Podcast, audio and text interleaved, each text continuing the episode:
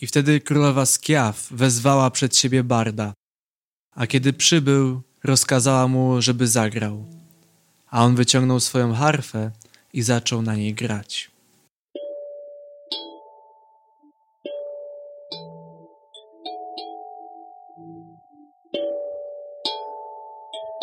A kiedy grał, popłynęła piękna melodia, melodia zaczarowana, i wszyscy słuchali. Ptaki, które przyleciały i usiadły na oknie, przestały ćwierkać i słuchały. Wiatr, który wiał za oknem, zatrzymał się na chwilę.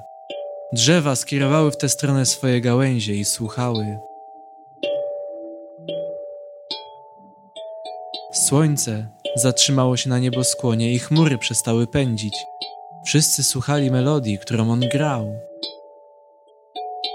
Nawet morze, które zawsze swe fale do brzegu goniło, zatrzymało się na chwilę. Uspokoiło i słuchało. A on grał melodię płynącą prosto z serca, najpiękniejszą, jaką kiedykolwiek w życiu ułożył.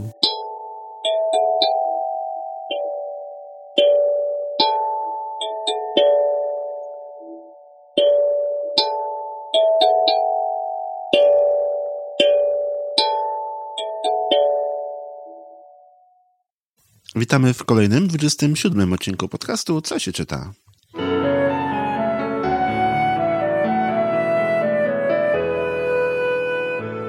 Kiedyś baśnie były częścią naszej kultury i baśnie to się pojawiały praktycznie w każdym domu. Baśnie, czy opowiadania, czy jakiekolwiek inne historie.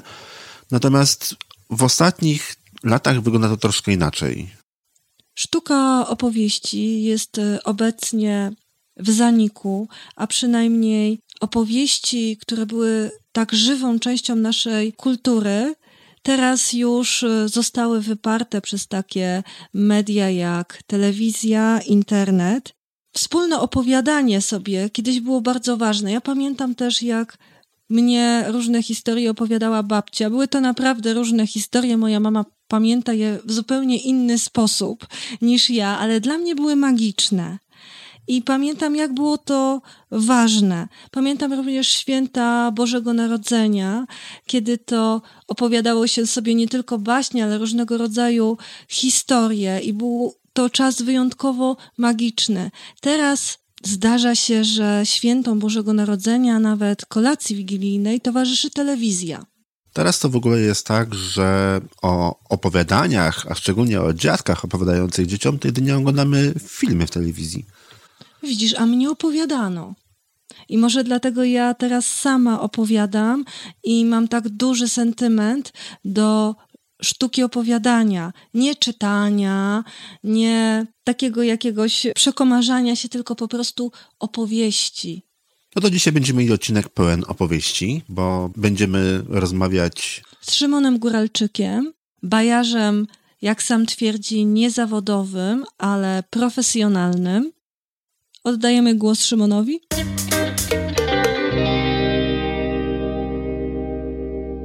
Rozmawiamy dzisiaj z Szymonem Góralczykiem, który jest bajarzem, ale bajarzem na pełen etat. Nie można powiedzieć, że jest bajarzem zawodowym, tylko bajarzem. Staram się być bardziej nawet opowiadaczem już teraz, niż, niż tylko bajarzem. Natomiast ja bym to nazywał właśnie profesjonalnym na pełen etat też jest bardzo dobrym sformułowaniem, natomiast nie chciałbym tutaj używać słowa, że jestem opowiadaczem zawodowym, bo, bo nie ma takiego zawodu i, i tutaj ciężko w tym funkcjonować w ten sposób. Jak na opowiadacza niezawodowego opowiadasz już bardzo długo. Z tego, co sprawdzałam, to chyba jakieś 6 lat. Prawie 6, natomiast ja nie uważam, że to jest długo. Tutaj w Polsce mamy opowiadaczy, którzy działają już w tej strefie 20 lat. Teraz studnia opowieści obchodziła dwudziestolecie istnienia i myślę, że to już jest jakiś czas, że można powiedzieć, że ktoś długo opowiada. Spotkałem też opowiadaczy, którzy opowiadają na przykład przez 40 lat swojego życia, więc to moje 6 to myślę, że to jest taki dobry początek. Szymon, gdzie opowiadasz? Opowiadam w różnych przestrzeniach, zarówno są to kawiarnie, są to przedszkola, biblioteki, szkoły, domy kultury. Czasami jest to przestrzeń bardziej teatralna, czasami się zdarzy, że w parku, nad brzegiem morza, przy ognisku, w różnych przestrzeniach. Raz nawet mi się zdarzyło w autobusie. To jest bardzo dobra przestrzeń do opowiadania, tym bardziej, że w drodze może narodzić się wiele różnych, rozmaitych historii. Wiem, że występowałeś w Teatrze Polskim, a także Teatrze Ósmego Dnia. I jak bliskie jest opowiadanie sztuce teatralnej? Jest bardzo bliskie. Czasami toczą się spory między opowiadaczami, aktorami, gdzie przebiega ta granica, i właściwie jest to bardzo subiektywne bo teatr i, i, sztuka snucia opowieści są, są bardzo bliskie sobie. Używamy podobnych narzędzi, ekspresji. Jest to tak samo słowo, gest, głos. Też musimy jakoś tę przestrzeń zaaranżować, czasami światłem, czasami sobą, czasami właśnie ruchem, więc ta granica bardziej przebiega na zasadzie tego, kto jak to czuje, jak to układa, jak się do tego przygotowuje i jak to później przeżywa. I, I, myślę, że to jest bardzo subiektywna sprawa i ciężko tak wyznaczyć taką granicę, że to jest opowiadanie, a to jest teatr. Wielu ludzi, którzy słyszą o tym, że ktoś opowiada baśnie, najczęściej wyobraża sobie, że te baśnie będą czytane. Tak, to jest wielki problem, że nie mamy świadomości, czym jest sztuka opowiadania historii. Gdzieś nam się to w Polsce zagubiło, bo kiedyś w tradycji byli gawędziarze, opowiadacze i, i potem to jakoś zaniknęło. Może właśnie wtedy, kiedy pojawiły się telewizory, y, trochę ta sztuka zaczęła zanikać. I, teraz powoli do tego wracamy. Ta tradycja jest bardzo żywa w wielu innych krajach, natomiast my musimy to na nowo troszeczkę odnaleźć. Ja też mam ten problem, że czasami wysyłam ofertę do przedszkola i przesyłam zdjęcia, przesyłam nagranie, jak to wygląda i opis. A pani dyrektor na, na mój telefon odpowiada, że nie, że oni mają książki z bajkami i oni mogą czytać dzieciom, nie potrzebują kogoś, kto będzie za pieniądze czytał im książki. I wtedy tłumaczenie, że jest to coś innego, no jest ciężkim zadaniem.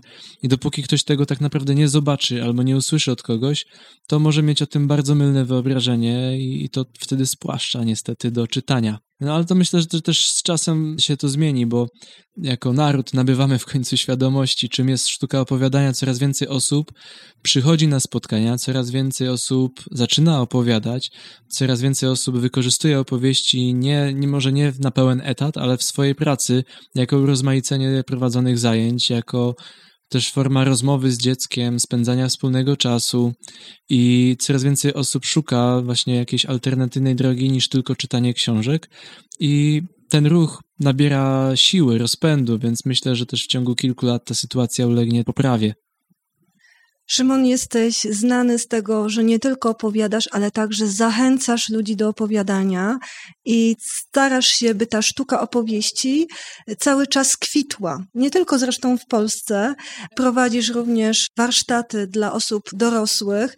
Zrzeszałeś różnych ludzi, którzy chcieli opowiadać. Sama brałam udział w warsztatach, które prowadziłeś. Co cię do tego skłania? Chęć dzielenia się pasją, którą posiadam, mm, pasją do opowiadania historii. Uważam, że jest to coś pięknego i też każdy ma tutaj swój styl, swoje zainteresowania, do których nawiązuje. Literatura jest tak przebogata i można szukać historii na różne sposoby. Można też je właśnie opowiadać, bardziej pokazując, bardziej śpiewając, bardziej mówiąc, grając na instrumentach. Każdy ma też swoją energię i, i przekuwa te słowo pisane na słowo opowiadane w odmienny sposób. I to jest bardzo ciekawe. I zależy mi na tym też, żeby jak najwięcej osób opowiadało, żeby wrócić do tej tradycji, która zanikła, żeby to odtwarzać, bo też czuję się w takim szeregu osób, które opowiadają historię i to jest taka powinność też nie uważam, żebyśmy byli dla siebie konkurencją, bo też nisza na tym, powiedzmy, rynku takim, czy w tej dziedzinie kultury jest tak głęboka, jest tak wielkie zapotrzebowanie na opowiadane historie, że tutaj nie ma mowy o konkurencji, tym bardziej, że każdy robi to po swojemu i bierze na warsztat inne tematy. Także bardziej możemy się uczyć od siebie niż siebie nawzajem bać. Poza tym większość opowiadaczy, z jakimi się spotykam, to są wspaniali ludzie. I to jest piękne, że, że można w takim środowisku przebywać. Dlatego im więcej osób będzie opowiadało historię, tym myślę świat będzie trochę lepszy. No i to jest taka właśnie misja animacji kultury, ale w kierunku sztuki opowiadania historii. Tym się zajmuję też. Też robię warsztaty, tak jak tutaj wspominałaś. Mogę powiedzieć o sobie, że jestem ojcem chrzestnym trzech grup opowiadaczy, które działają do dzisiaj. Bardzo samodzielnie też. Także, także te warsztaty na pewno będą kontynuowane i to jest też dla mnie fajne wsparcie, że nie jestem jedynym opowiadaczem, tylko są też inni i można razem wymieniać doświadczenia, razem pewne rzeczy ustalać, szukać, poprawiać i, i tworzyć takie, taką grupę, mm, takie towarzystwo, środowisko opowiadaczy, które no, jest potężne też w tym, co robi, więc cieszę się. Mam nadzieję, że tak będzie. Sama zresztą czuję się przez ciebie właśnie namówiona parę lat temu, żeby po raz pierwszy zacząć opowiadać i przełamać Jak różne... ci z tym teraz? Teraz mi z tym bardzo dobrze. No i niech tak będzie. Fajnie, to ja się cieszę i, i właśnie, żeby tak dalej szło. Skąd bierzesz inspirację? Skąd pochodzą te historie, opowieści? Bo to nie są tylko baśnie. Sięgam do różnych faktur, do opowiadań, do mitów, do legend. Natomiast te opowieści też czasami są zasłyszane od innych opowiadaczy, albo zobaczone, czy dopowiedziane do pewnych obrazów. Dużymi inspiracjami są dla mnie na pewno podróże. Podróże głównie na festiwale z opowieściami. Tak się stało, że te opowieści stały się takim moim środkiem transportu do dalekiego Meksyku, do, do Palestyny, też do Szkocji ostatnio do Maroka. To były te podróże, gdzie, gdzie szukałem różnych historii, spotykałem się z różnymi opowiadaczami i też y, wiele mogłem się nauczyć i stamtąd też czerpię wielką energię, bo jeżeli jesteśmy w jakimś miejscu i widzimy, na czym polega ta specyfika, na czym polega ten charakter kultury danego kraju, danego narodu, to później jak wracamy, to sami możemy przekuwać te opowieści i opowiadać je bardziej prawdziwie. Nie wiem do końca jak to nazwać. Ja bym to nazwał bardziej prawdziwie, bardziej z serca, bardziej sobą, bo, bo my to czujemy, my już tego doświadczyliśmy i w ten sposób zmieniamy trochę tembr naszego głosu, to, to w jaki sposób czujemy tę opowieść, jak w niej się odnajdujemy, jak ją widzimy, jak ją widzimy wyraźniej, mocniej, zapachami, smakami, to wtedy też chcemy ją intensywniej przekazać słuchaczom i myślę, że to jest bardzo duże sprzężenie między tym, czego my doświadczamy i co opowiadamy. I wtedy no na pewno można się w tym trochę specjalizować, tak powiem. I wtedy te opowieści mają większą moc. Ale też będąc w danym kraju, w danym środowisku, poznając tam daną opowieść, a potem opowiadając ją e, innym ludziom, przekazując e, dalej, jest to zupełnie coś innego, niż byśmy tą samą historię przeczytali na przykład w zbiorze baśni z tamtego kraju. Dlatego, że i tak wyobrażamy sobie tą baśń przez pryzmat naszej kultury w dużym stopniu. Przynajmniej tak mi się wydaje. Tak, i tutaj musimy zachować pewną czujność, że oprócz tego, że zapamiętamy historię, którą nam ktoś opowiedział, musimy się zastanowić, jak ona zabrzmi po naszemu. E, język ma swoją melodię, ma swoją specyfikę słów i akcenty, które się rozkładają.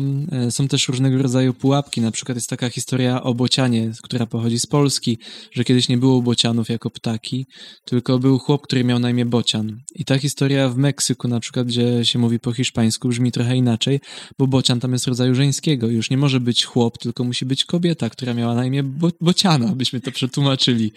Więc tutaj trzeba też uważać na różnego rodzaju pułapki językowe i też zastanowić się, jak brzmienie takie przenieść na nasz kraj, jak na przykład czasami wytłumaczyć coś bardziej albo coś przemilczeć, bo może to będzie niezrozumiałe właśnie i to zaszkodzi opowieści, a nie przyczyni się do tego, żeby rozumieć inną kulturę. Może o tym powiedzieć poza opowieścią gdzieś albo przed opowieścią, jako takie wprowadzenie.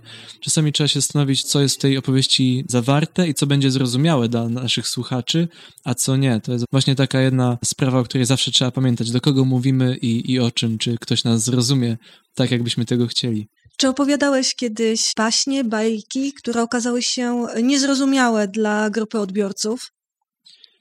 Myślę, że, że zdarzyło mi się coś takiego, może nie do końca świadomie. Też wiadomo, że każdy inaczej trochę odbiera pewne słowa, widzi inaczej obrazy. Natomiast tak, zdarzyło mi się opowiadać pewnego razu w, takim zakładzie poprawczym o zaostrzonym rygorze w tej Wielkopolsce i atmosfera na sali była bardzo ciężka, bo my mieliśmy przygotowane jakieś historie, które miały być trochę nie do końca takie bardzo moralizujące, ale jednak o czymś miały mówić. Nie miały też być tylko rozrywką, ale, ale mieć jakieś przesłanie ze sobą. I nie mogły być dla dzieci, nie, bardziej dla dorosłych. Tam, tam byli wychowankowie, którzy mieli tak 16-17 lat. No i atmosfera na sali była ciężka, bo oni wchodząc na salę też pokazywali nam, że nie do końca chcą, żebyśmy tu byli, że wchodzimy na ich teren. Dodatkowo każdemu z nich towarzyszył strażnik więzienny z pałką przywiązaną do nogi. Sytuacji też nie, popiera, nie poprawiał ksiądz kapelan, który na końcu się pojawił.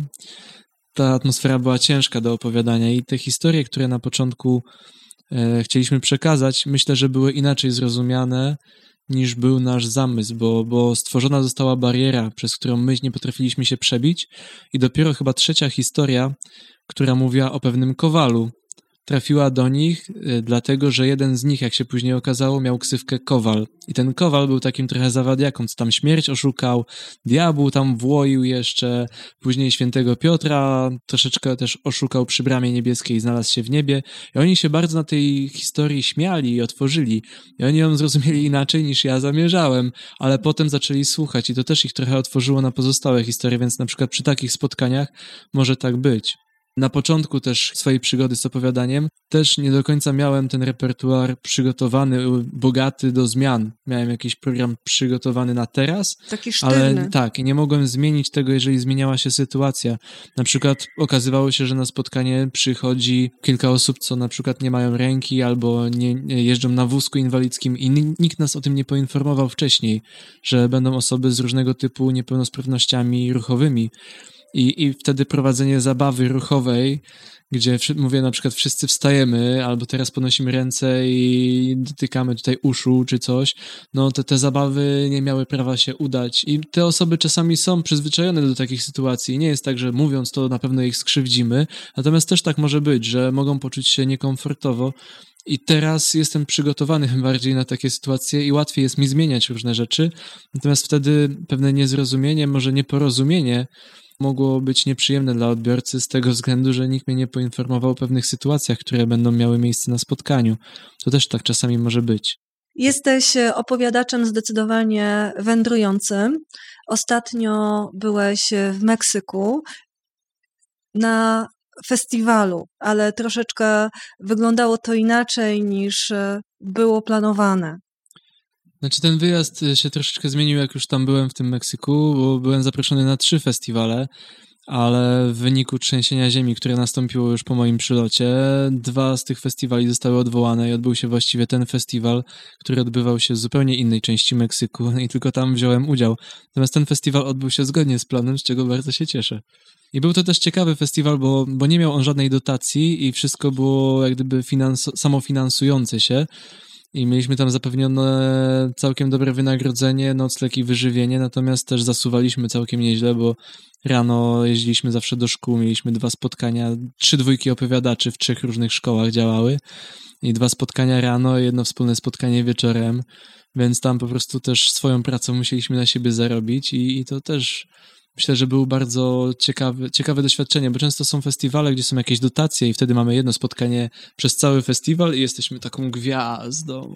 A tu było nie, tutaj trzeba zasuwać, jeżeli chcemy, żeby ten festiwal działał, żebyśmy mogli się razem spotkać, żebyśmy też coś zarobili i mieli wspaniały ten czas, no to jednak trzeba włożyć w to mnóstwo pracy.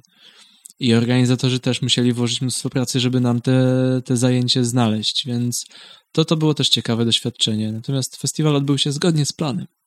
Wielu się wydaje, że opowiadacze są świetnie przygotowani na występ i jadą na pamięć różne rzeczy, a tak naprawdę, jeżeli chodzi o takie prawdziwe opowiadanie, jest to odpowiadanie nie tylko na publiczność, ale także na warunki. W dużym stopniu trzeba się dostosowywać i bardzo duże znaczenie ma tutaj improwizacja. Tak, natomiast też y, myślę, że, że jak opowiadacz jest przygotowany z tym swoim materiałem, to jeżeli wie, w jakie warunki się pakuje, to wtedy może wszystko iść zgodnie z planem. Natomiast faktycznie zdarzają się sytuacje, że trzeba czasami coś zaimprowizować.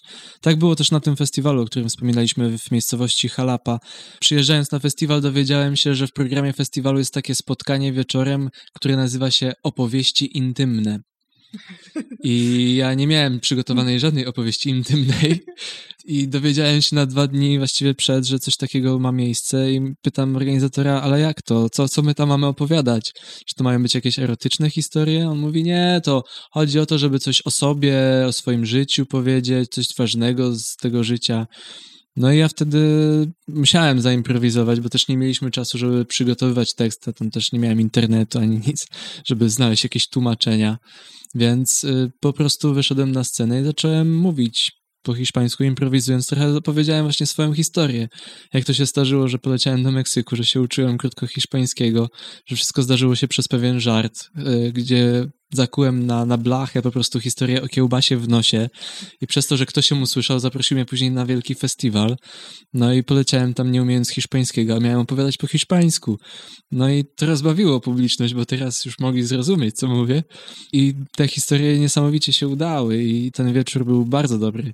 Natomiast wszystko było na bieżąco, po prostu szyte w takiej muszli koncertowej przed ludźmi i, i, się udało, więc też ta improwizacja jest ważna, natomiast też ważne jest przygotowanie. To nie można tak powiedzieć, że wyjdziemy na scenę i coś sobie zrobimy i będzie fajnie. Nie, to trzeba się przygotowywać. Im, Im więcej tej pracy włożymy, też mniej stresów później mamy i mamy większą swobodę. Nie musimy się skupiać na słowach. Jesteśmy gdzieś dograni, kto kiedy ma jakie dźwięki wydawać, co, co mówimy, jaka jest kolejność. I wtedy też mamy taką swobodę, trochę takiego luzu, który nam pozwala na tą improwizację, że nie musimy miotać się i dochodzić do jakichś punktów, tylko właśnie możemy coś zmieniać, bo tak chcemy, a nie do tego, że się pomyliliśmy i, i musimy gdzieś tutaj doprowadzić. Dzisiaj na przykład na spotkaniu e, w ostatniej historii popełniłem błąd. Złapaliście, kiedy był ten błąd, kiedy musiałem zacząć szyć, żeby nie okazało się, że się pomyliłem? W historii o Torstinie jest tak, że na początku ja wprowadzam postać, mówię, że służył króla Olafa, że był u tego króla Huldrów i że spotkał kiedyś Karła, który ofiarował mu to i to, bo uratował mu syna. I potem Thorstin ze swoim statkiem przybił do lądu, którego nie znał. A tutaj zapomniałem trochę i przedstawiłem go, że to jest e, wuj, wuj króla Olafa, że królowi Huldrów ukradł to i to i ze swoimi wojami wypłynął na statku i przybył do lądu, którego nie znał. I kiedy powiedziałem, przypomniałem sobie, nie powiedziałem o magicznych przedmiotach, które w całej opowieści mają wielkie znaczenie. I wtedy uszyłem, że przybił do tej wyspy, gdzie żył karzeł, który mu to wszystko dał i on to później wziął i popłynął dalej. Zrobiłeś to... dodatkowy przystanek. Tak, i to była, to była improwizacja, bo ja się pomyliłem, po prostu, ale jak się zorientowałem, że się pomyliłem, przeszedłem do tego tak płynnie, że nikt tego nie zauważył. I wtedy trzeba, trzeba znać historię, żeby właśnie w niej umieć pływać. I ta Czwarty improwizacja jest ważna. słuchałam tego programu i nie wyłapałam tej pomyłki. No, a to był duży błąd, bo jakby się okazało, że on nie ma krzesiwa, nie ma kaftanu i nie ma kamienia, no to co ma zrobić tam w Jotunheimie? Bez tego to on w ogóle tam mógł nie płynąć. A złota dzida to jest mój ulubiony element Miała być złota włócznia, ale ja zawsze się mylę, jest złota dzida. Dla mnie to jest boskie, jak po prostu to rozwiązanie końcowe, to wpadanie z tą włócznią. No, ale ono jest zaplanowane. Ja wiem, ja wiem, no, że to jest tak w książce było. Jak e, mocno posługujesz się tym tekstem, jak mocno opierasz się na tekście wyczytanym w książkach, a jak bardzo na przykład przerabiasz baśnie, przerabiasz opowieści. Jedno i drugie powiem e, bardzo. Bazuję na tekście i na wydarzeniach, które tam są zawarte, natomiast dużo wycinam z tekstu rzeczy które uważam, że są niepotrzebne, które są przydługie, albo coś skracam, żeby łatwiej się tego słuchało. Natomiast też, e, jeżeli coś jest ciekawe, to dodaję jakieś opisy, rozciągam jakąś akcję, sytuację. Czasami na przykład, żeby pojawiły się powtórzenia, jeden element muszę sklonować jeszcze później dwa, trzy raz, trzeci raz, żeby wybrzmiał, żeby według mnie opowieść nabrała takiego refrenu, swojego tempa.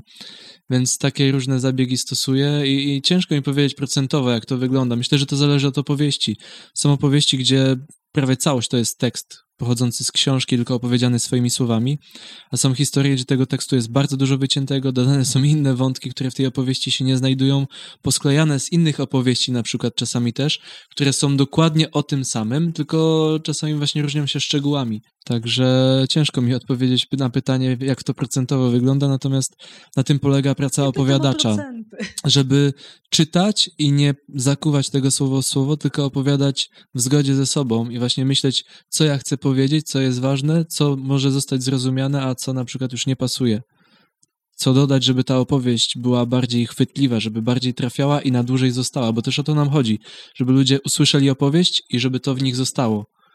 No na co komu historie, które ciężko słuchać, które są piękne, ale już idźmy do domu.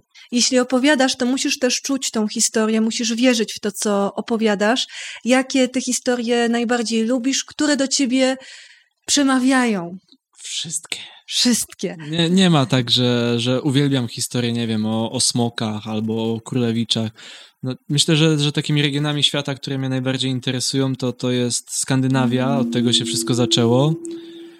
Drugim obszarem jest Meksyk i, i też lubię bardzo polskie historie, zwłaszcza te kaszubskie z nadmorza. I myślę, że to są takie trzy, trzy regiony, które mnie fascynują najbardziej.